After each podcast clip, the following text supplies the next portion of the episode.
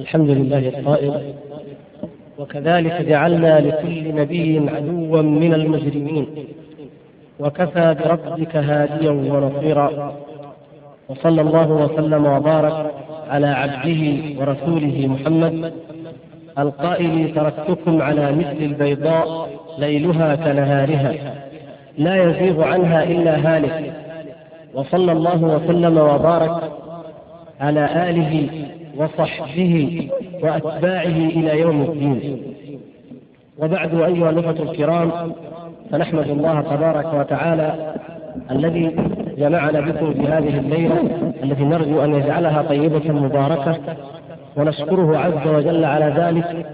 ثم نشكر الإخوة الذين كان لهم بعده تعالى الفضل في هذا الاجتماع الطيب ونسأل الله عز وجل أن يجعل اجتماعنا هذا اجتماعا مرحوما وأن يجعل تفرقنا من بعده تفرقا معصوما وأن لا يجعل فينا شقيا ولا محموما وأن يعيدنا من فتنة القول كما يعيدنا من فتنة العمل وأن يكتب أعمالنا كلها خالصة لوجهه الكريم إنه سميع مجيب. وبعد فلا شك أيها الإخوة في الله أن العلمانية بتلك المنزلة والخطورة كما تحدث الأخ الكريم وأنكم جميعا والحمد لله على علم بها.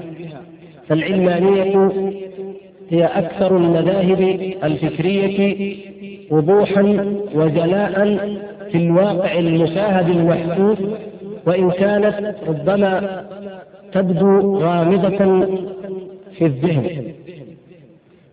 فهي منهج واقعي. واقع ضخم تعيشه الأرض جميعا إلا ما رحم ربك. هذا المبدأ وهذا المنهج القائم على الشرك بالله سبحانه وتعالى وهو أعظم وأكبر ذنب عصي الله عز وجل به. القائم على أن الدين الذي أنزله الله تبارك وتعالى والكتاب والحق الذي شرعه لا شأن له بحياة الناس. بل ذلك الشأن للأرباب والمتفرقين والمتألهين من العباد والأنظمة والمناهج. وليس لله عز وجل في نظر أولئك المجرمين من نصيب إلا ما يؤدى من شعائر تعبدية أو ما ما علاقة له كما يسمى بالصلة الروحية به سبحانه وتعالى.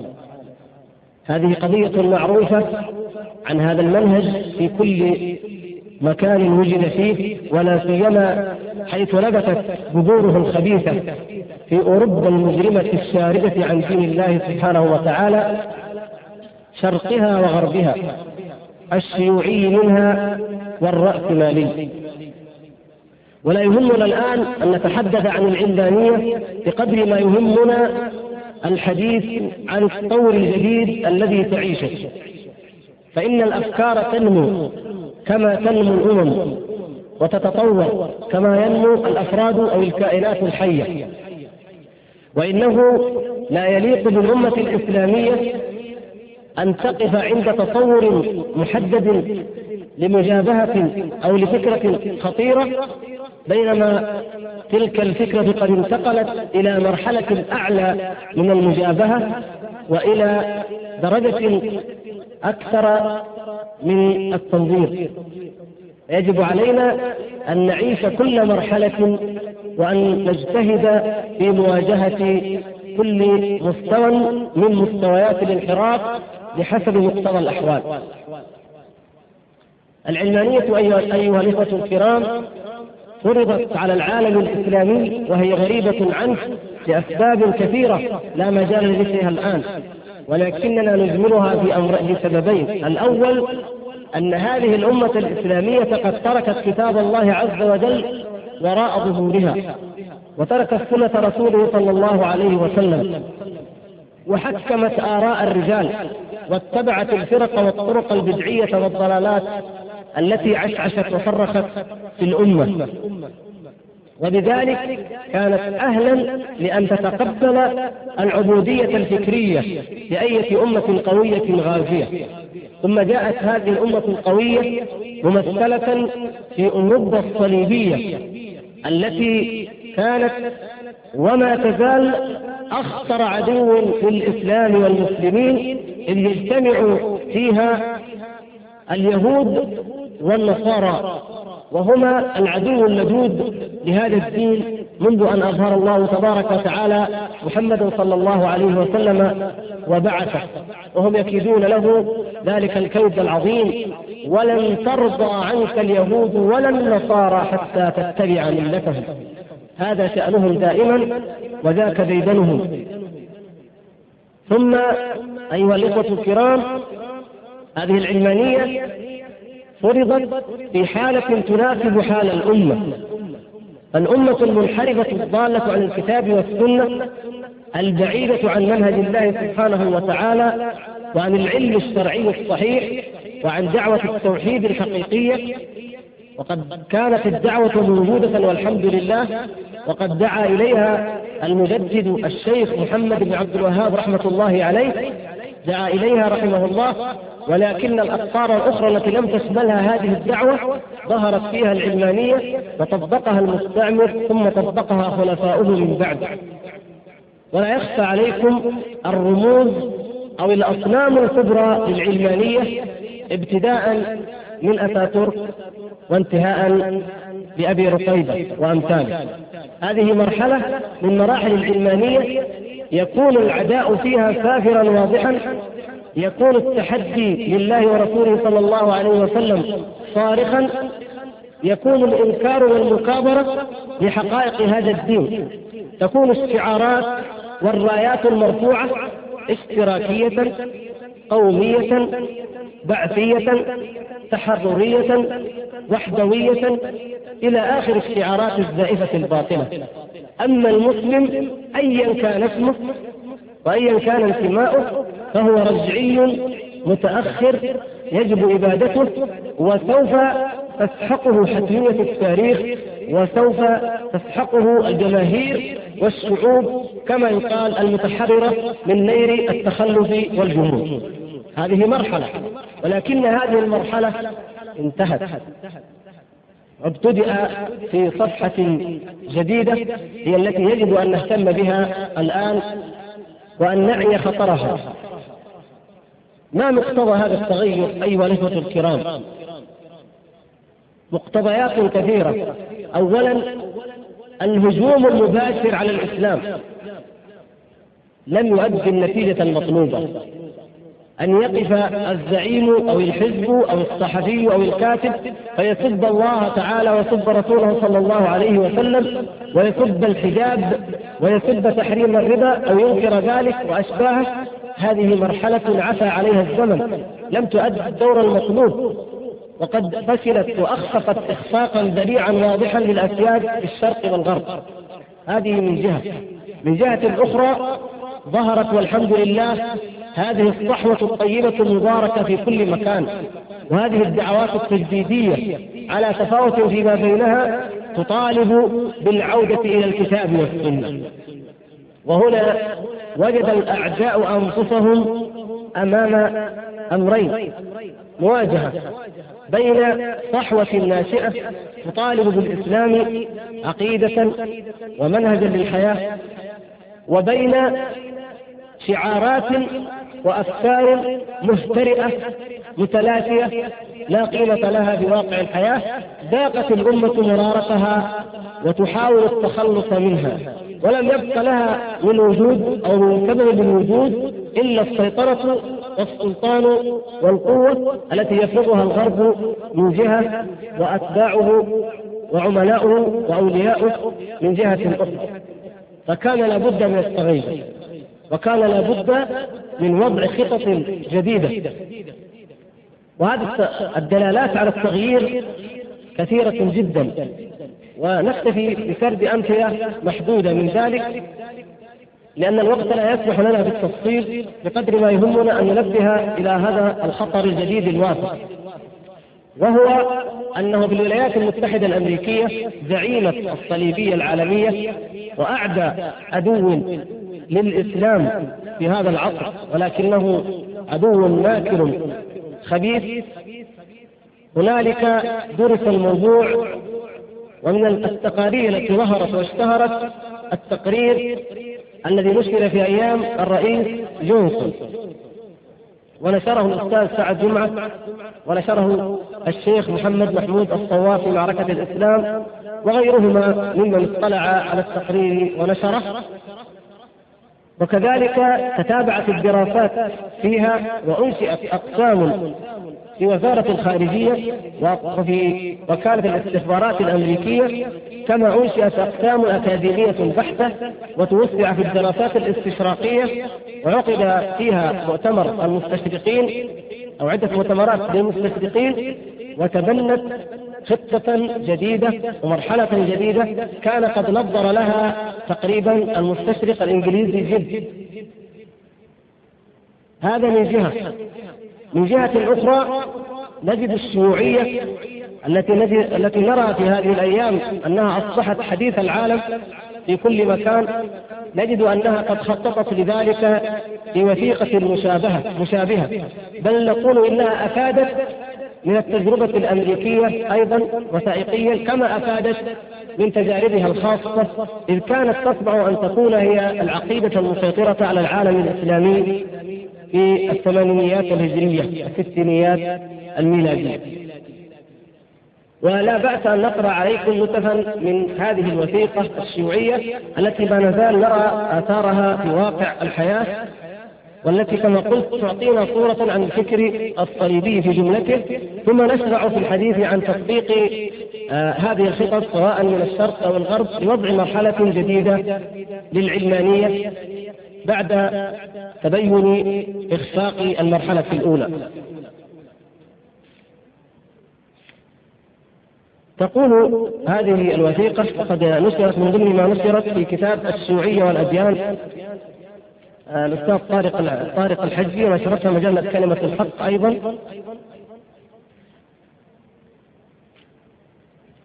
من الخطط يعني يتجاوز المقدمة على أهميتها نقول تقول رقم واحد مهادنة الإسلام لتتم الغلبة عليه. مهادنة الإسلام لتتم الغلبة عليه والمهادنة لأجل حتى نضمن أيضا السيطرة ونجتذب الشعوب العربية للاشتراكية ثانيا تشويه سمعة رجال الدين. طبعا ليسوا رجال دين وإنما هم علماء لكن على تعبيرهم النصراني الكنس والحكام المتدينين واتهامهم بالعمالة للاستعمار والصهيونية.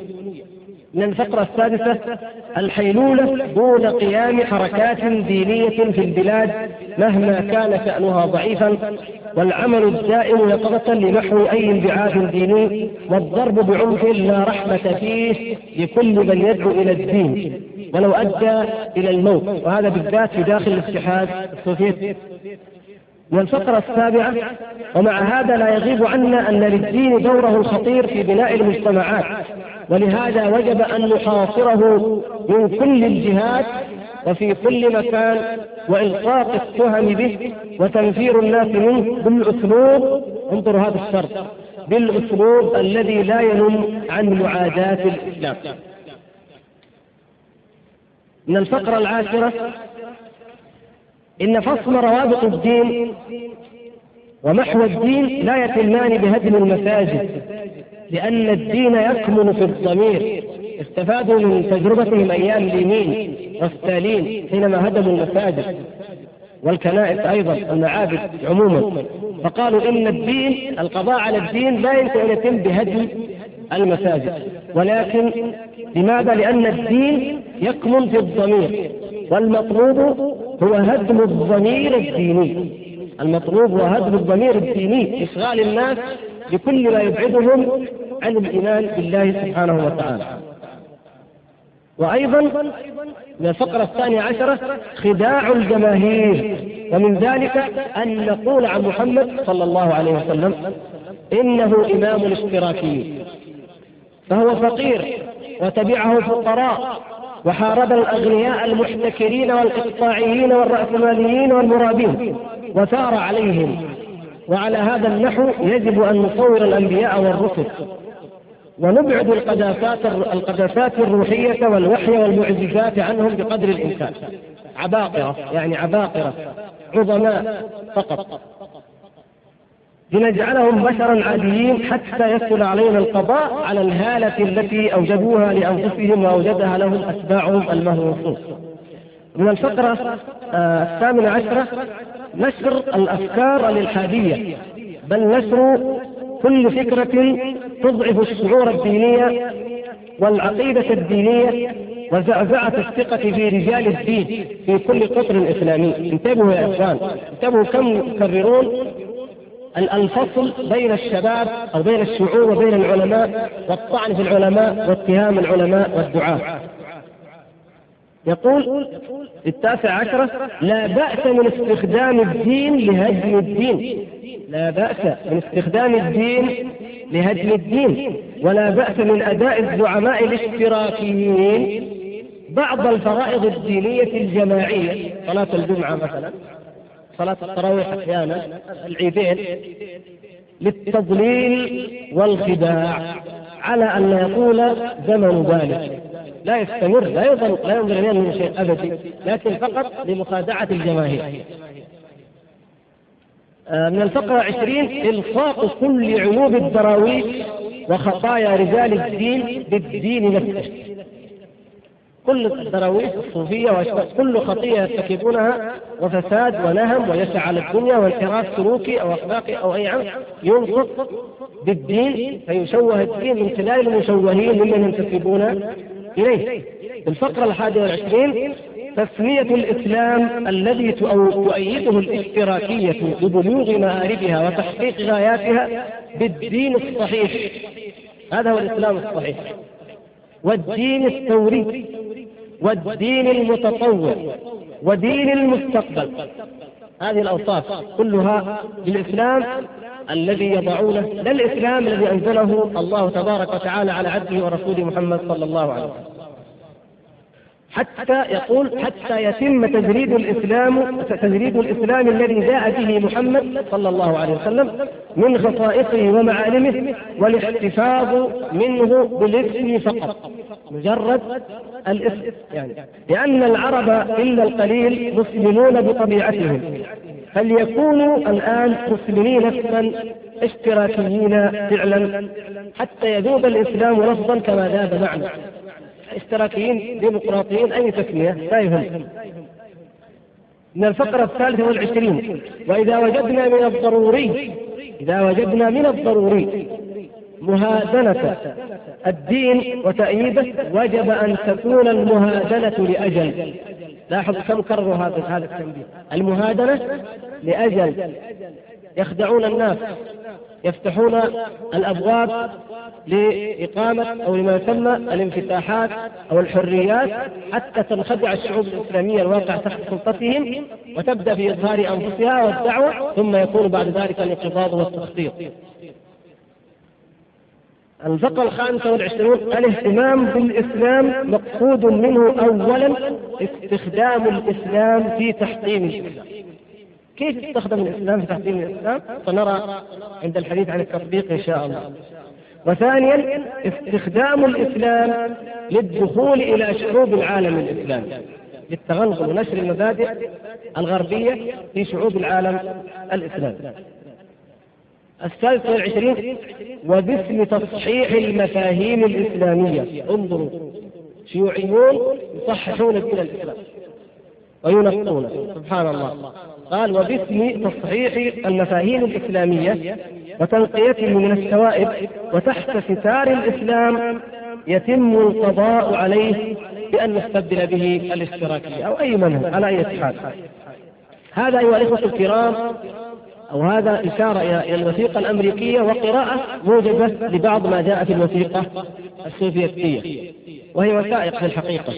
وأشير هنا بالنسبة للولايات المتحدة الأمريكية إلى أنكم تقرؤون آه، في مجلة المجتمع محاضر الكونغرس مثلا في مجلة الوطن العربي نشرت محاضر أخرى جلسات أخرى تتعلق بالصحوة الإسلامية.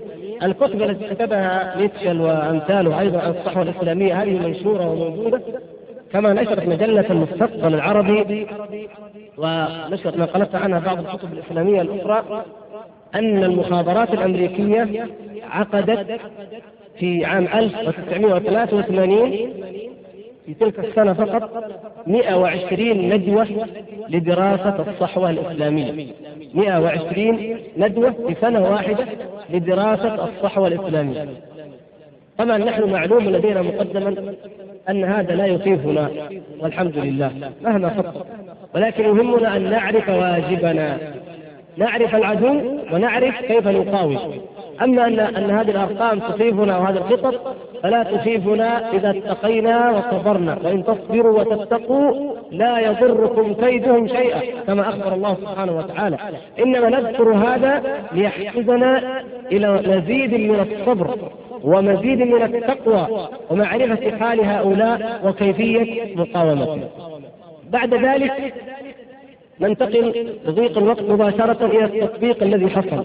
ظهرت في, في السنوات الأخيرة أسماء منها ما يسمى اليسار الإسلامي.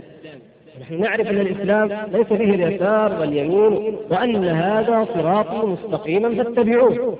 لا يسار إسلامي. ويمين إسلامي كما سمي. ظهرت ما تسمى الحركات التجديدية. وماذا تجدد؟ تجدد كل شيء ولا تقف. لا لا تلتزم بالتجديد الذي أمرنا به ويجب علينا جميعا أن نجدد ما هو العودة بالناس إلى الكتاب والسنة ولكنها تجدد ما سنذكر. ظهرت باسم النقد الذاتي. مؤلفات أو اتجاهات باسم النقد الذاتي. وتقصد بذلك نقد الحركات الإسلامية والدعوات الإسلامية اولا أكثر ما ينقدون وينتقدون أو يتغافلون ويتجاهلون هو دعوة الشيخ محمد بن عبد الوهاب رحمة الله عليه. هذه لا قيمة لها عندهم ولا تحسب على أنها دعوة تجديدية وإنما ينظر إليها على أنها شكلية أصول تقليدية إلى آخر ما ينطقونه بها من معايب ومن تهم إلا يتجاهلوها بالكلية ولا ينظرون إليها ولا إلى آثارها الضخمة والحمد لله والتي ما تزال حية في الواقع على مستوى الأمة الإسلامية جميعا. ثم ينقضون الدعوات الإسلامية الأخرى. من باب الدخول إلى الشباب في الحركات والدعوات والجماعات الإسلامية الذين رأوا وتململوا رأوا الانحرافات وتململوا وكاد لياتي أن يستولي على قلوبهم مما يرون من الأخطاء فدخلوا إليهم عن طريق هدم الأصول التي يمكن أن تحيي الأمل في نفوسهم وجرفهم إلى ما يريدون اسم النقد الذاتي إلى نشر الأفكار التي يدعون يدعون إليها.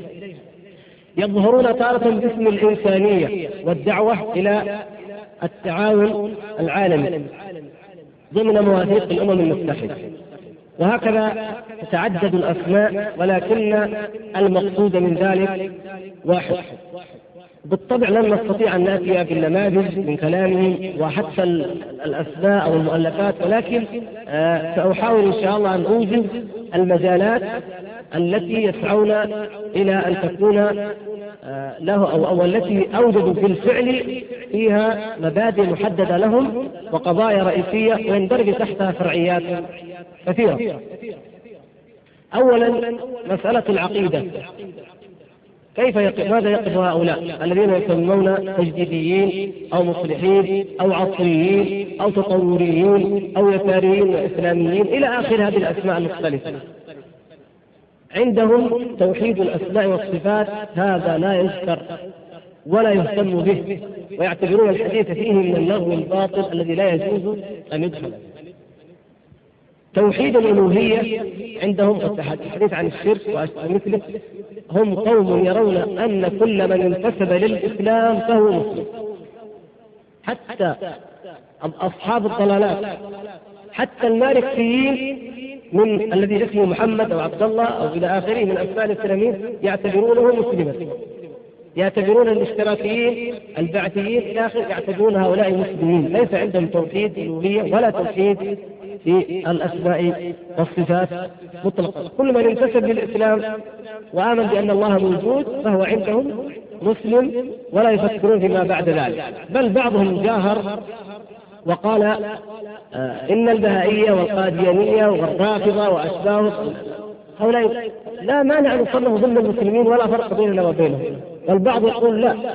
إن الثنتين والسبعين فرقة التي أخبر عنها النبي صلى الله عليه وسلم هي ما عدا هي داخل أهل السنة. يعني لا يخرج من ذلك إلا البهائية والقاديانية فقط. أما البقية كلهم من أهل السنة.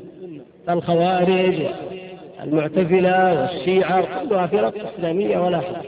المقصود أن هذا مفقود لديهم. مسألة من هو المسلم الحقيقي الذي يوحد الله ويعبد الله؟ هذه مفقودة لديهم. وكل من ادعى أنه مسلم فهو عندهم مسلم وإن لم يعمل عملا من الأعمال. ويصرحون بذلك أن ما لا يتسع الوقت لذكرها. المسألة الأخرى ما موقفهم من الشريعة من تطبيق شريعة الله من الأحكام من إقامة الحدود. موقف عجيب جدا. يقولون أولا لا مانع من وجود أحزاب لا تطالب بإقامة شريعة الله. وصرح البعض وربما قرأت من بعض المغفلين جل الإنصاف وراءهم أنه لا مانع من قيام أحزاب شيوعية شيوعية في ظل الحكومة الإسلامية أو في المجتمع الإسلامي. المهم أن تلتزم بالإسلام كحل. سبحان الله. كيف تلتزم؟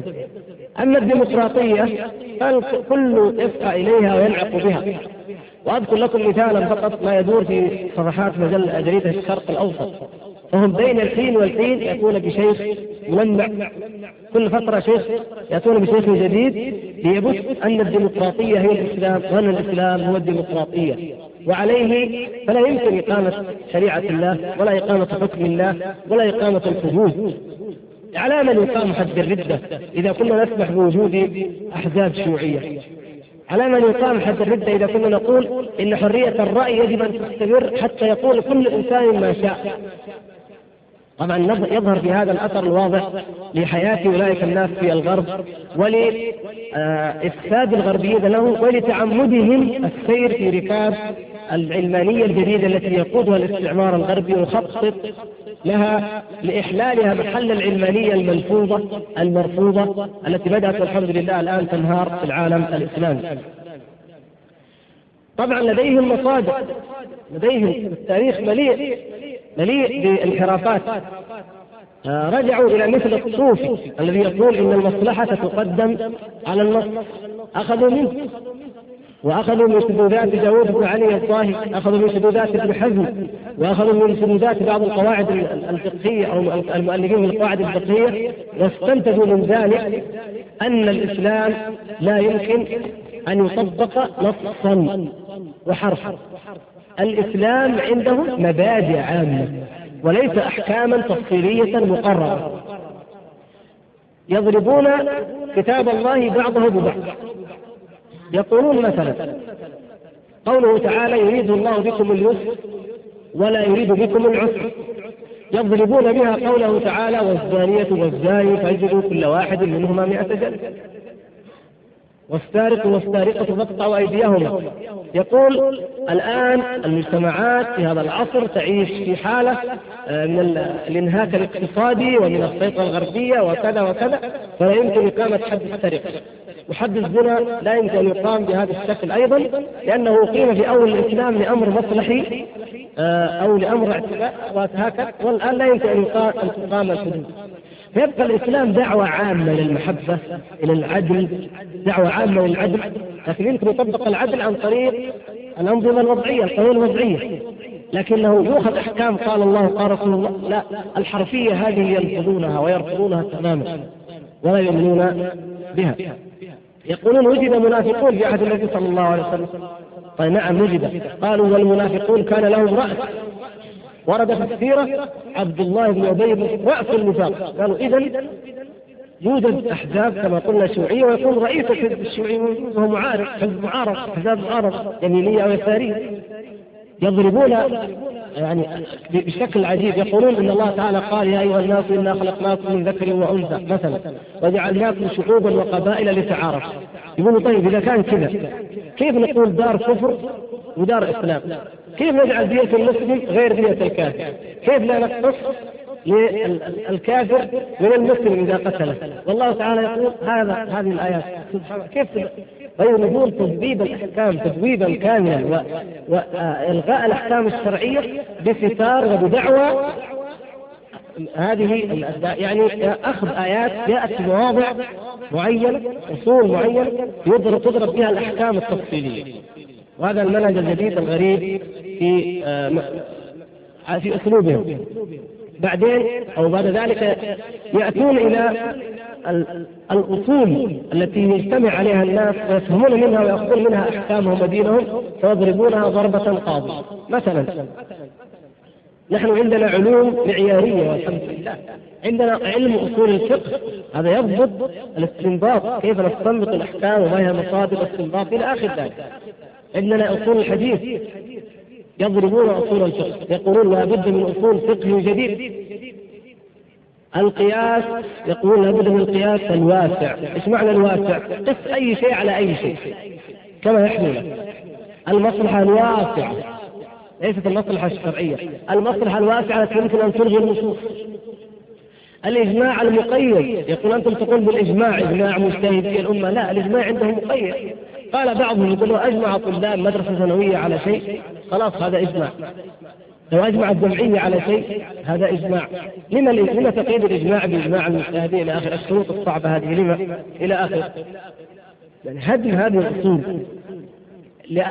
لأن إذا هدمت يبقى القرآن وكذلك السنة تبقى ألفاظا. هكذا عائلة أو تقرأ للتبرك أو في الصلاة. أما في الواقع فلا يمكن لأحد أن يطبقها ولا أن يقيمها.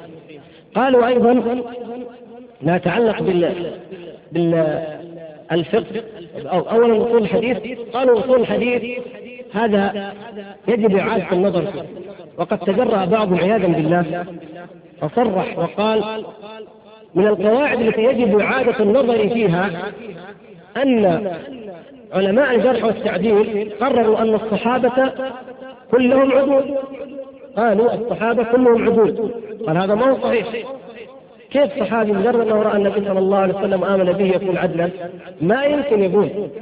فجاء باجتهاد لم يسبق إليه. قال نضع شروطا. لقبول رواية الصحابي. يقول منها أن لا يروي الصحابي حديثا فيه مصلحة له أو لواليه حتى نضمن أنه لم يرتجع من عنده يعني يتهم الصحابة بالكذب على رسول الله صلى الله عليه وسلم بمصالح شخصية والعياذ بالله. ثم يأتي إلى الصحيحين وأمثالهم ويقول لا لا نصلي لا نسلم بأن كل ما في الصحيحين صحيح.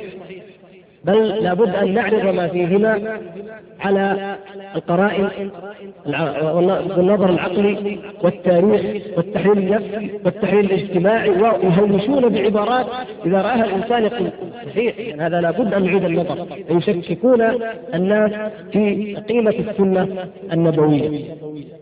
أما الفقه فهجوم عليه عجيب. أولا يدخلون من مدخل سلفي ما شاء الله تقول هؤلاء ناس بارك الله فيهم. يقولون أول شيء الحجة هو الكتاب والسنة. آراء الرجال لا حجة فيها. نقول ما شاء الله. كلام طيب. لكن ما يريدون ما نريد نحن يقصدون ويريدون أن يفصلوا كلام السلف. يفصلوا تطبيق السلف وكلامهم وتفسيرهم وفهمهم للكتاب والسنة فصلا كاملا.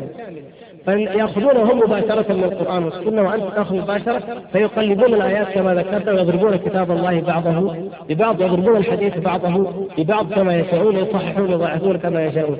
وكلام الأئمة العلماء وفهمهم وعملهم وتصديقهم ومؤلفاتهم هذا كلام بشر. ويقولون فرق بين الدين وبين فهم الدين وبين صورة التدين. ففهم الدين يختلف بحسب العصور. صورة التدين تختلف بحسب العصر أما الدين فهو النص فقط.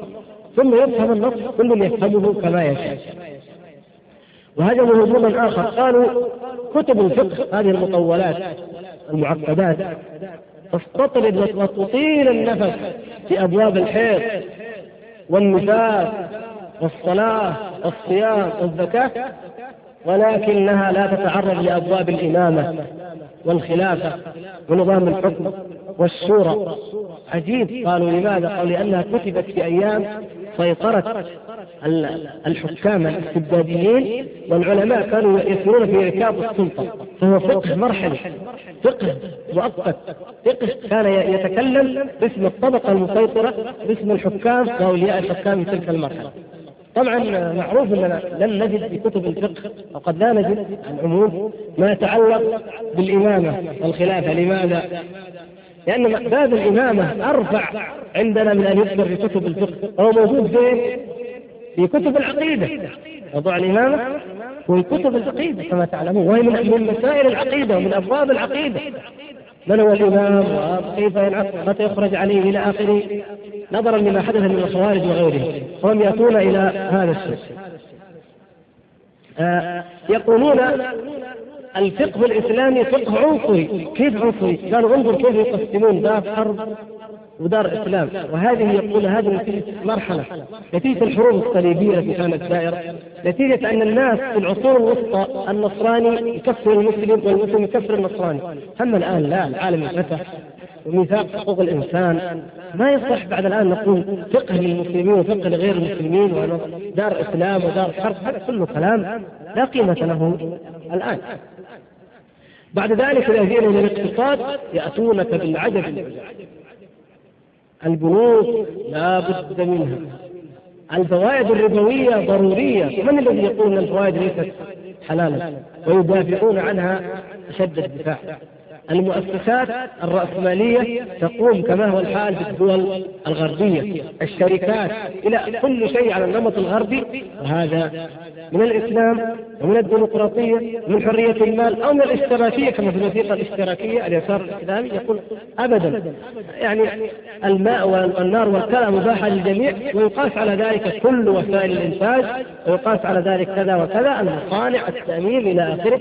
فيكون الأحكام كلها نسخة من الغرب ولا تؤخذ من الفقه الإسلامي ولا من أحكام الله سبحانه وتعالى وبالذات في هذا الجانب. طبعا سنون لضيق الوقت ونريد الأسئلة. لكن آه ننتقل إلى قضية خطيرة جدا موضوع المرأة والحجاب. ماذا يقول فيها العلمانيون الجدد الذين يلبسون ثوب الإسلام المزعوم فضفاضا واسعا؟ يقولون المجتمع الإسلامي ما هو مجتمع منفصل. المرأة فيها تختلط بالرجال هو مجتمع مختلط ولكنه محتشم. فقط. محتشم لا منفصل. هذا شعار. والحشمة هذه يقولون أولا تغطية الوجه ينكرونها تماما. الحجاب الحقيقي الذي هو أن تكون المرأة في بيتها. فإن خرجت فهي مغطية لوجهها وسائر جسمها ينكرونه يجب أن تخرج المرأة وأن المرأة مظلومة وأن الفقه الأعوج والفقه الميت إلى آخره هو الذي يحبس المرأة في البيت أو يأمرها بأن تغطي وجهها. وأننا نخجل ونستحي كما يقولون أن نرى الغربيين وهم يرانا الغربيون ونساؤنا يغطين وجوههن والغربيات يحكمن الدول. جاء هذا على ألسنة كثيرين وليس رجلا واحدا. إنما هذا كاتجاه ومنهج لإفساد المرأة المسلم والفن ماذا يقولون؟ الفن لهم رسائل في ذلك ولهم كتب منها كتاب الدين والفن منها كتاب آراء تقدمية في الفكر الإسلامي. يقولون آه، يوجد في الفقه الإسلامي والفكر الإسلامي آراء تقدمية سبقت عصرها. هذا شيء طيب. إذا عندنا كنوز صفية ما نعلمها. قالوا نعم. انظروا إلى ابن حزم. كيف أباح الغناء؟ هذا هذا فكر تقدمي. والآن القرن العشرين بدأ الإنسان المعاصر يحس باهميه الغناء وضرورته لكن المتزمتين المتشددين يقولون البخاري روى فلان قال ابن القيم ذكر خمسين وجها في تحريمه. كل كلام لا قيمة له في نظره. من الآراء التقدمية أو التحرية والتجديدية قال بعضهم الرقص. إن كان المقصود من الرقص إثارة الشهوات لا يمنع. وأما إن كان المقصود منه ضعف يعني الشعور الإحساس بالجمال تنمية الشعور بالجمال تنبيه الناس إلى طبيعة خلق الله فهو قد يخدم أغراض الإسلام. وكذلك الموسيقى. ولهذا من أشد الناس تضجرا بتوبة المغنين والممثلين والمطربين هؤلاء النااس يتضجرون في الصحف علانية ولا يستحيون وهم يرفعون أسماء إسلامية ويدفعون ذلك. ويرون أن المرأة ويمكن أن تقوم بأي عمل حتى التوسع في مساله الغناء السينما مشاركات كل منهم يجتهد ويفصل كما يشاء. يعني حتى أن أحدهم قال دخل كليه وفيها جدار يفصل طلب عن الطالبات. قال لو كان الأمر بيدي لهدمت هذا الجدار. وبعضهم ينادي ويجاهر بأنه يجب أن يتخلص الناس من مسألة تدريس البنات عن طريق الشبكة التلفزيونية كما هو موجود مثلا عندنا هنا في الحمد لله. يسخرون هناك. بل بعضهم يتندر يقول سئل عن قيادة النساء للسيارات فقال إن كنتم في الدول التي تحرم ذلك كان يسخر من مجتمعنا هنا آه يعني هذا لا يجوز والعلماء يفتونكم يفتون انكم انحرفتم أما إن كان إن كنتم تؤمنون بأن المرأة بشر وأنها إنسان مثل الإنسان فما المانع انها تقود السيارة وأنها تعمل كل شيء؟ يعني يلجؤون إلى أساليب شتى نشر هذه الضلالات. سبعه آه، الحقيقة الوقت ضيق يا أخوتنا. أنا أحب واركز هذا إن شاء الله. أقول لكم إن هجمة جديدة يهاجم بها هذا الدين وعلمانيه جديدة تلبس ثوبا فضفاضا واسعا تحت شعارات ونداءات إسلامية مختلفة هي العدو الذي سيواجه الدعوة الإسلامية الآن وفي المستقبل القريب. أما من ينادون علانية بإنكار وجود الله سبحانه وتعالى أو تكذيب كتاب الله عز وجل جهارا نهارا أو الطعن في سنة النبي صلى الله عليه وسلم جهارا نهارا فهؤلاء أصبحوا يتلاشون ويتساقطون. وهذه المرحلة الجديدة لها رموزها ولها كتابها ولها معاهدها ولها مؤسساتها ولها صحافتها وهذه لا لا أقولها إلا لأذكركم بها بعضكم يعرفها وتعرفون الكثير منها إن شاء الله. أينما وجدتم مثل هذه الأفكار تجدون وراء ذلك هذا المكر الخبيث. أحب أقول أن ننبه الإخوة الكرام جميعا إلى خطر هذه المرحلة وأن نكون متيقظين لمقاومه هذه الهجمة الجديدة التي تهجم الإسلام باسم الإسلام. كما سمعنا في وثائقهم هذه هذا وأسأل الله الكريم رب العرش العظيم أن يتقبل مني ومنكم وأن أكون قد وفقت على هذا الإنجاز المخل لأنبه اخوتي الكرام إلى خطر هذه المرحلة الجديدة التي تعيشها الصحوة الإسلامية وننتقل الآن إلى الاسئله. ما أظن يا شيخ. بعد الصلاة خلاص. صعب يعني.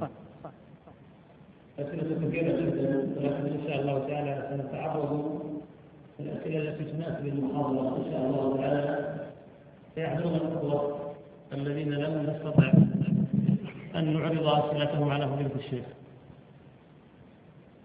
كثير من الأخوة يسألون هل هناك فرق بين الماسونية والعلمانية؟ وهل هنالك علاقة بين العلمانية والحدثيين؟ الماسونية هي أفاعي الشر الخفية التي تخطط لإعادة سيطرة اليهود وحكمهم للعالم. ومن المذاهب التي تروج لها الماسونية الشيوعية والعلمانية عموما. هذه من جملة المذاهب. ومن المؤكد أن بعض من يدعون إلى هذه العلمانية الجديدة التي تسمى العصرية أو العصرانية أو العقلانية أو الإنسانية كما ذكرنا أو التجديدية إلى آخر هذه الأسماء من المؤكد أن بعضهم له علاقة علاقة ما وارتباط ما بالاستخبارات الدولية وبالماسونية دون أن نتهم أحدا بعينه لكن نقول هذا مؤكد وهذا موجود. وسوف تثبته الأيام وقد أثبتت الأيام عن السابقين ما أصبح كالشمس في رابعة النهار.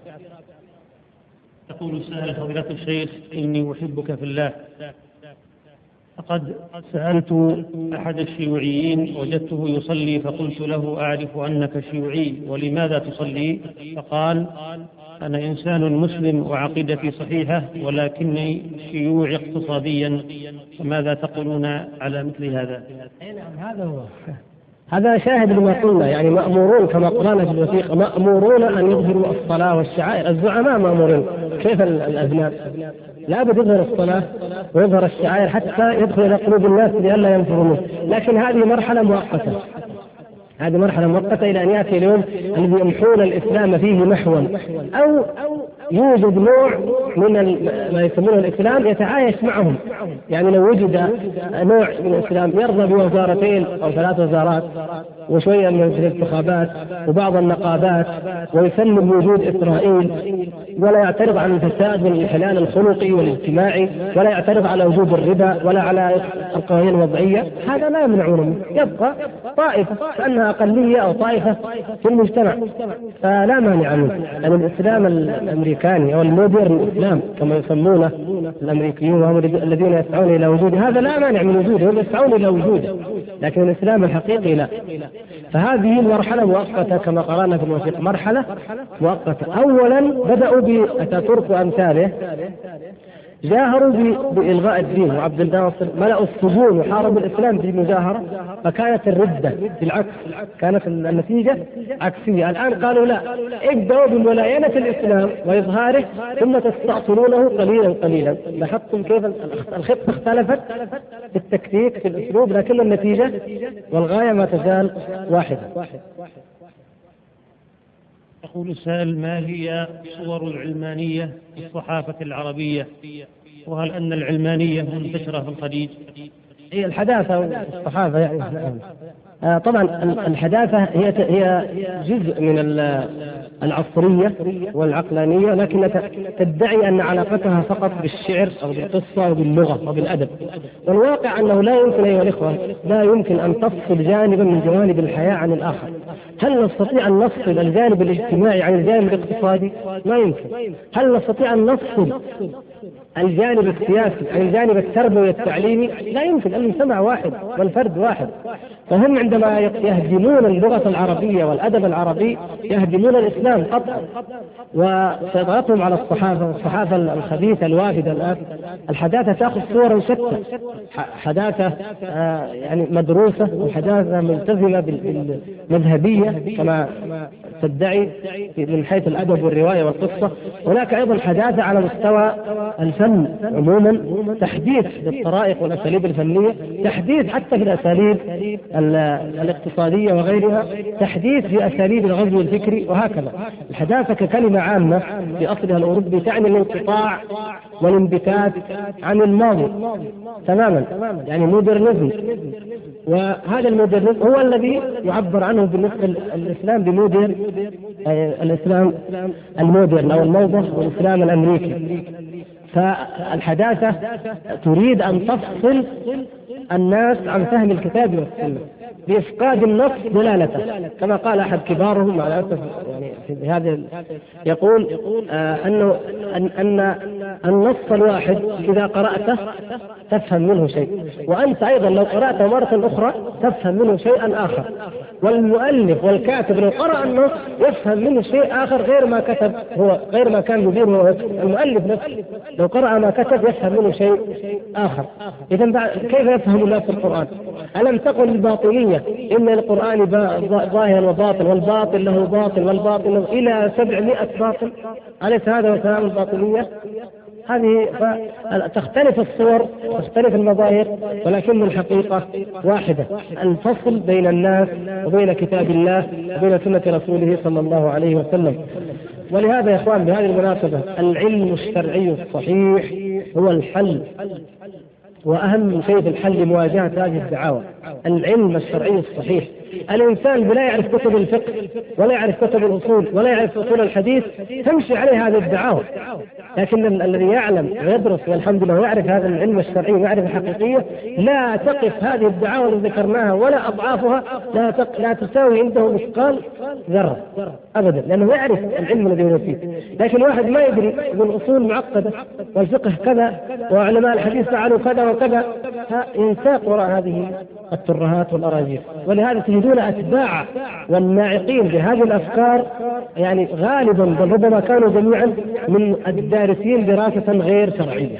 وإنما تطفلوا على الدعوة وعلى الدراسات الشرعية. ولا نزكي آه، الدارسين الدراسات الشرعية بإطلاق ولا نقصد أن نغلط أي إنسان.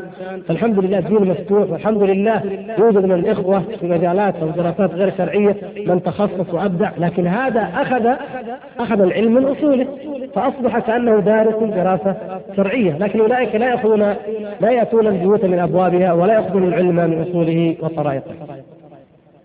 يقول السائل فضيلة الشيخ السلام عليكم ورحمة الله وبركاته وبعد كثير من الناس أو البعض يعرفون أو يسمعون بأن العلمانية هي فصل الدين عن الدولة فما معنى ذلك؟ معنى ذلك أو معنى أصح نقول العلمانية إقامة المجتمع والدولة على غير الدين أن الدين في المسجد فقط تصلي فقط لكن أموالك في البنك الربوي زوجتك أو مثلا لا تتحجب. هذا بالنسبة للحياة الاجتماعية، النساء يعملن مع الرجال في كل شيء، الصحافة تنشر ما تشاء، دور السينما تبث ما تشاء، الفيديو كما يشاء، مثلا التربية والتعليم المناهج علمانية بحتة لا دينية يعني لا دينية بحتة، الولاء والبراء يفقد تماما في التعامل الدولي أو الفردي، لا يوالى الإنسان أو الأمة لأنها مؤمنة ولا تعادى لأنها كافرة، إنما الدين مسألة فردية روحية. تريد المسجد مفتوح. صلي تبغى الصوم صوم ما أحد قال لك بس. وهذه أيضا مرحلة. كما قلت سيعقبها ما هو أشد من ذلك هو محاربة الإسلام في ذلك. يسأل السائل ما معنى لفظ علمانية؟ آه علمانية. يعني ترجمت على أساس أنها ترجمه لكلمه العلم كأن الدين مقابل العلم لأن في أوروبا وجد العلم والدين الصراع بين العلم والدين. لكن في الحقيقة الكلمة في الأصل الأوروبي لا تعني العلم ولا علاقة لها بالعلم وإنما تعني هي كلمتان تقريبا سيكولاريزم أي اللادينية الدنيوية أو اللادينية. واللايكيه أو اللائكيه كما تسمى أحيانا وهي إيش؟ اللادينية. لكن ترجمت اسم العلم تمويها فإذا قال أحد أنا أقيم دولة لا دينيه ما صعبة يعني. لكن دوله علمانية العلم بعضهم يقول ما في شيء. أصلا إقامة دولة علمانية أو إقامة مجتمع علماني ما في شيء لأن الإسلام دين العلم. فيضحكون علينا. نعم. يقول السائل السلام عليكم ورحمة الله وبركاته. بما أن ولادة علم الاجتماع كما ذكرت في كتابك العلمانية كانت على أيدي الكفار وأعداء الدين وأرادوا به هدم الدين والأخلاق. واعتبارها مرحلة من المراحل وليست أمرا فطريا فما حكم دراستها؟ علم الاجتماع على نوعين علم الاجتماع الإسلامي يمكن أن يكون علم الاجتماع الإسلامي وعلم الاجتماع اللاديني أو العلماني الذي وجد في أوروبا والذي تكلم عنه. لا يوجد ولا يمكن أن يوجد يتصور أعظم ولا أبين من كتاب الله عز وجل في بيان كيف تقوم المجتمعات وكيف تسقط ابدا. منهج واضح. يحدثنا الله سبحانه وتعالى عن أخبار القرون الأولى. ويأمرنا بأن نعتبر لقد كان في قصصهم عبرة لأولي الألباب. ويأمرنا أن نتعظ كيف قامت المجتمعات كيف سقطت ما هو أثر الترف ما هو أثر الأكابر إذا طغوا واستبدوا في الأرض كفرعون وأمثاله ما أثر الجشع وحب الدنيا كقارون وأمثاله؟ كيف يعني كيف يقوم المجتمعات تقوم على العدل؟ كيف تسقط بالبغي؟ كل ذلك موضح في كتاب الله قواعد وأصول عظيمة لا يمكن أن يوجد لها نظير. وفسرها النبي صلى الله عليه وسلم أيضا في احاديث من السنة فهي واضحة جدا يمكن أن نوجد بل موجوده الحمد لله دراسات اجتماعية إسلامية متحررة تماما من النظره العلمانية وهذه يجب أن تدرس وان سميناها علم الاجتماع أم لم نسميها أما أن تدرس العلوم الاجتماعية بالمنظور الغربي فهذا الحكم عليها كشأنها وكغيرها من العلوم التي يحرم قراءتها أو تدريسها على المسلمين وإنما يجوز أو يجب أحيانا الاطلاع عليها لبيان زيفها وضلالها وخطرها.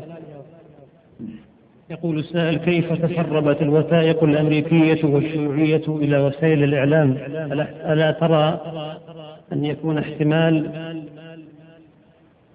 أنه أمر مدبر من هذين الدولتين لإرادة أمر ما.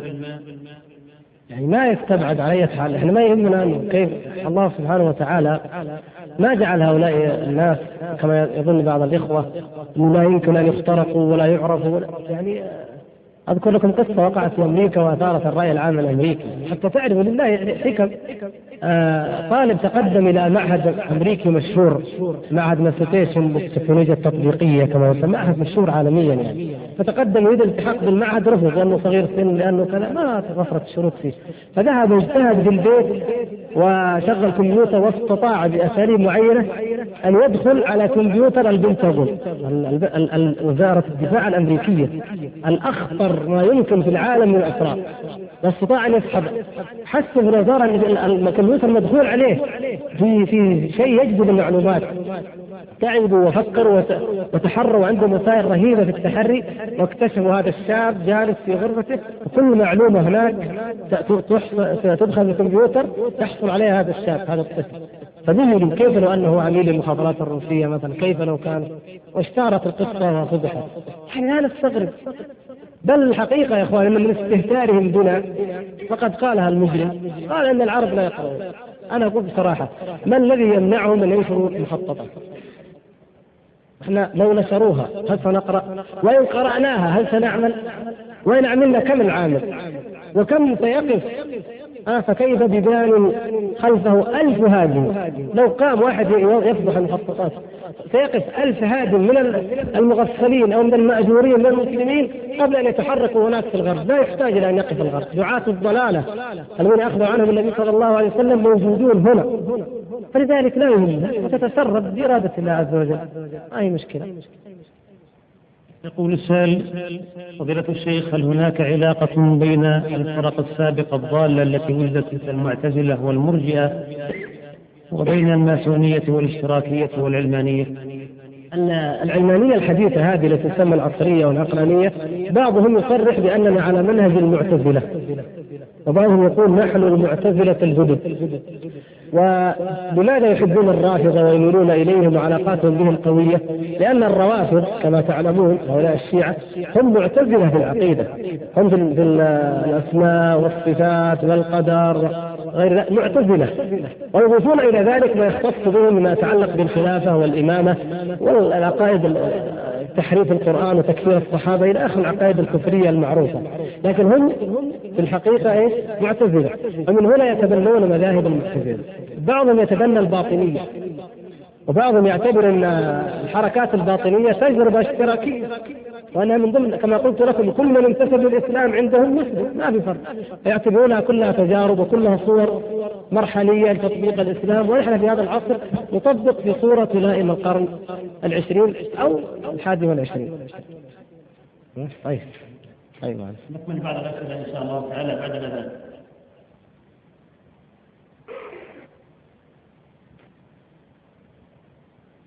يقول السائل السلام عليكم ورحمة الله وبركاته. فضيلة الشيخ من هو أفضل من كتب عن الطريقة الصوفية والعلمانية وما هي الكتب الجديدة في هذا الباب؟ وجزاكم الله خيرا. الصوفية الكلام عنها كثير جدا نظرا لتشعبها وتعدد ما كتب عنها.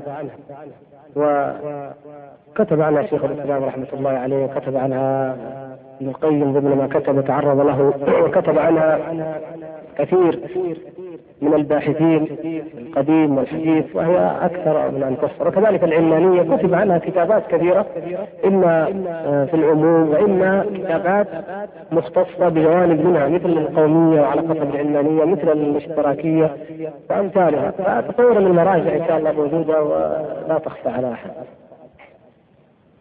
يقول السائل فضيلة الشيخ كيف نتعرف على شخصية العلماني وكيف نحاربهم ونردهم إلى الله عز وجل؟ يعرف بظاهر القول ويعرف بلحن القول كما أخبر الله تعالى عن المنافقين. فمن مما يجاهر ويظهر القول بأن الإسلام لا علاقة له في الحياة. وكما يقول كلما أردنا شيء تطوير أو ترفيه أو تقدم صاحوا في وجوهنا وقالوا حرام. بعضهم يجاهر بذلك والبعض يخفي ويقول الإسلام لا يتنافى مع التطور الإسلام دين التقدم. الإسلام دين الحرية دين الكرامة الإنسانية. هذا شيء طيب ماذا يقصد به؟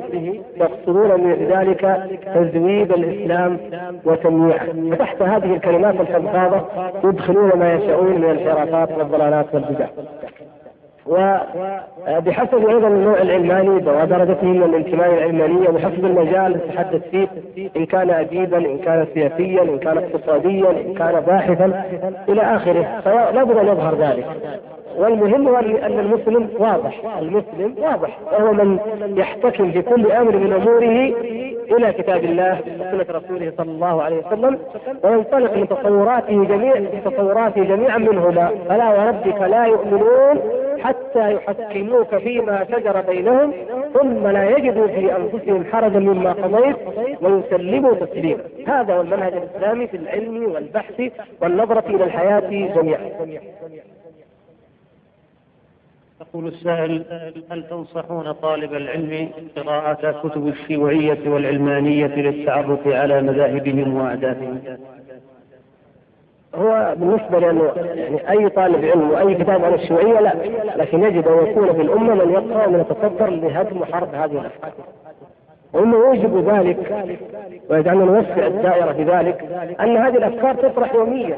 الآن لم يعد غريبا علينا. هذا السؤال لو سألناه قبل 20 30 سنة كما كنا نسأل علماءنا تلك الأيام ويسألهم الناس يقولون يقول لا حاجة لكم مثلا لكن الآن أي جريدة ليس فيها ذكر للشيوعية، أي جريدة ليس فيها دعوة للعلمانية، أي مجلة، أي مسلسل، أي مقالة؟ إلا ما كان اسلاميا صرفا، فما دمنا نعيشها واقعا لابد أن نعرفها، ولكن طبعا يتفاوت الأمر بحسب الحاجة وبحسب المؤهل الذي ما أهل الله تعالى به الإنسان وما أوتي من القدرة على الاستيعاب، وأقل ما يعني يجب تحقيقه أن تبين وتفضح حقيقه هذين المذهبين لله يقول السائل السلام عليكم ورحمة الله وبركاته. نرجو من فضيلتكم ذكر بعض زعماء العلمانية الموجودون في الوقت الحاضر. ما كنت أحب ان ذكر الأسماء لأن الأسماء دائما تثير حولها الإشكالات لكن لعلي أذكر يعني سبيل على سبيل ابراء الذمه بعض من تعرضنا لأفكارهم. في أذكر بعض من تعرض لأفكارهم وينادون بشيء مما قلته أو بكله. وكتبهم موجودة ومقالاتهم الصحفيه موجودة أي يعني العلمانية في هذه المرحلة الفكرية. آه، منهم الدكتور حسن الترابي ومنهم فهمي هويدي ومنهم كمال أبو المجد ومنهم محمد عمارة ومنهم حسن حنفي. ومنهم بعض المنتمين إلى بعض الدعوات الإسلامية وهؤلاء معروفون ومشهورون ما في داعي إلى التوثيق على أسمائهم. منهم خالد زلبي ومنهم أيضا أسماء أخرى بعضها مشهورة بعضها أقل شهرة. يقول السائل فضيلة الشيخ ما نصيحتكم لهؤلاء الشباب في هذه الصحوة الظاهرة المباركة خصوصا أننا نعيش بين فكي الشيوعية والعلمانية والمذاهب الأخرى. أول شيء أوصي وأنصح به إخواني وتقوى الله سبحانه وتعالى. هذه وصية الله إلى الأولين والآخرين. ولقد وصينا الذين أوتوا الكتاب من قبلكم وإياكم أن اتقوا الله. وأن نخلص أعمالنا جميعا لله لأن العلمانية شرك. ونحن ندعو إلى التوحيد وإلى الإخلاص. قل إن صلاتي ونسكي ومحياي ومماتي لله رب العالمين لا شريك له ولذلك أمرت وأن أول هذه دعوتنا. وأن نصبر أيضا ونعلم أمتنا الصبر. وإن تصبروا وتتقوا لا يضركم كيدهم شيئا. لابد من الصبر ولا بد من التقوى لندفع كيد الأعداء. وأن نتعلم العلم الشرعي ونصبر على ذلك. إن مما يؤلمنا في هذه الصحوة هو أن الشباب يرضون بالثقافة السطحية أو العابرة. نحن لا نقلل الحمد لله من شأن المحاضرات. ولا الندوات مثلا أو أي شيء. ولكن نقول يا إخوتي هذه خطوط عامة. هذه نقاط على الطريق فقط معالم تعطيكم إنارات فكرية عامة. أما ما يجب عليكم فرديا فهو العلم المركز الدروس العلمية المركزة المستديمة طويلة المدى التي تعطيك تفصيلا معرفة تفصيلية بالأحكام الشرعية بالعقيدة قبل ذلك وتعطيك التفصيل لسبيل المجرمين أيضا ولتستبين سبيل المجرمين. تعرف سبيله بالتفصيل تدرس الفرق بالتفصيل والمذاهب الفكرية بالتفصيل. وأما ما نراه الآن هذه هي ظاهرة طيبة من جهة من جهة العامة لكن جهة الاخوه المثقفين طلاب العلم لا هو الإقبال على ما سهل. الناس الآن الشباب مع الأسف إذا اعطيته كتاب 40 صفحة يقول طويل شوي يبغى 10 يبغى 15 شريط ثلاث ساعات يقول طويل يا ريت يعني ساعة مثلا. نريد أي شيء خفيف هذه حقيقة لا يمكن. أمة تواجه هذه العداوات الشرسة وهذه المؤامرات الحاقدة. على طوال التاريخ لا بد أن تكون على مستوى المواجهة ولا بد من رجال يقودون هذه المواجهة ولا بد من أناس لا تأخذهم في الحق لومة لائم ولكن يقولون الحق بالحجة العلمية والبرهان الذي أنزله الله سبحانه وتعالى ويزنون الأمور بالميزان الحق الذي شرعه الله سبحانه وتعالى وأنزله. هذا هو المفقود الآن. الناس كلها تعرف أن الزنا حرام كلها تعرف أن الاختلاط حرام. نعم لكن لماذا لا تأثير لمعرفة الكثير من الناس؟ لأنهم لا يأتون بهذا التأثير في ميدان ومقام الحجة العلمية الشرعية المقنعة المؤثرة. ولهذا والحمد لله إذا رأينا سماحه الشيخ عبد العزيز بن باز حفظه الله وامثال من العلماء كتب فتوى عن التبرج عن السائقين عن الخدم. ما عليك إلا أن تصورها تعطيها تعطيها تحطها على مسجد تعطيها أي واحد بيده. خلاص حجة كافية لأنها صدرت من عالم. بينما أي خطيب يقول أي خطيب قد يكتب ويخطب أضعاف أضعاف. ما في هذه الفتوى؟ هذا شيء معروف. أقدر أنا وياك أي واحد منا يجيب كلام طويل ويحطه لكن هل لها نفس قيمة فتوى الشيخ؟ لا. إذا العلم يا إخوان العلم ضروري لابد أن نقيم حجة الله على العالمين وعلى المسلمين وعلى أنفسنا ولنعبد الله بوفق ذلك لأنفسنا نحن. لابد من علم ولابد من صبر على ذلك. هذه بعض الوصايا التي تشير إلى ما بعدها إن شاء الله. طيب. هذا سؤال أخير. ونرجو من الأخوة أن يسمحوا لنا بعدم عرض أسئلتهم لأن أسئلة كثيرة. يقول فضيلة الشيخ ما هي أهداف العلمانية التي تحققت خاصة فيما يتعلق بالمرأة المسلمة؟ والله مش يعني العلمانية في وضعها المرحلة السابقة حققت إخراج المرأة المسلمة من بيتها. تحديا لقول الله تبارك وتعالى وقرن في بيوتكن ولا تبرجن تبرج الجاهلية الأولى. أخرجت من البيت وزج بها في متاهات الانحراف والضلالات والفجور والفسق والعهر.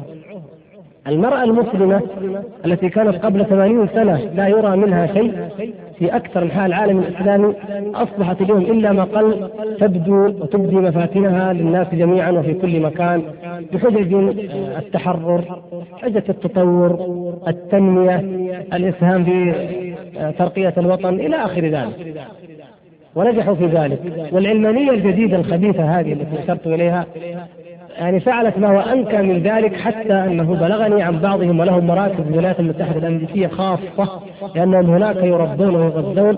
وصلوا إلى حد أن يعقدوا لرجل كافر على امرأة مسلمة عياذا بالله. وبعضهم جاهر وطالب بذلك. وبعضهم كتب أن اليهود والنصارى مسلمون يؤمنون مثلنا. ولا أن ننظر لهم أي نظرة عنصرية. نسال الله العفو والعافية. وبعضهم قال إنما جرى وما قوله تعالى لهن حل لهم إلى آخره. هذه يعني الآيات في سورة الممتحنة. هذه في ظروف آه، صلح الحديبية وهي مرحلة وقتية وظروف وقتية. يعني بدأوا يريدون أن يهدموا أساسيات في مسألة العلاقة بين المسلمة وغيرها. ومن ذلك ما يتعلق بقضية الميراث. بعضهم الآن يقول كيف؟ وهم يدعون الإسلام يقول كيف لا نعطي المرأة إلا نصف ميراث الرجل مع أنها الآن تخرج وتعمل وتتوظف وتنفق؟ بعض المرأة إذا كانت البنت موظفة يقول إذا كانت البنت موظفة تأخذ راتب والولد ما عنده راتب ومات الأب يعطيها يعني كيف؟ وبالعكس إذا كان الولد هو اللي موظف إذا لابد أن نراعي وظيفة أو حالة الأسرة ولا ننظر إلى مجرد أن للذكر مثل حظ الأنثيين. إلى آخر ما يرددون نسأل الله العفو والعافية من هذا الكفر الصريح ولكن يردده هذه المرة أناس آه، يصلون أو يتظاهرون بذلك ويتكلمون عن الإسلام ويرفعون رايات وشعارات إسلامية. وهذا هو الخطر المحدق بالمرأة المسلمة في هذه المرحلة. لا يريدون لا يأتون ويقولون اخرجي إلى كافرة. يقولون الحجاب ليس من الإسلام. والمرأة تكون محتشمة كما قلنا وتخرج وتفعل ما تشاء. وهم يضمنون والأعداء من ورائهم ضامنون أنها إذا خرجت فستكشف أول الأمر الوجه كما يزعمون ثم تكشف الساقين والنحر والشعر ثم يكون بعد ذلك كما قال الشاعر فكان ما كان مما لست أذكره.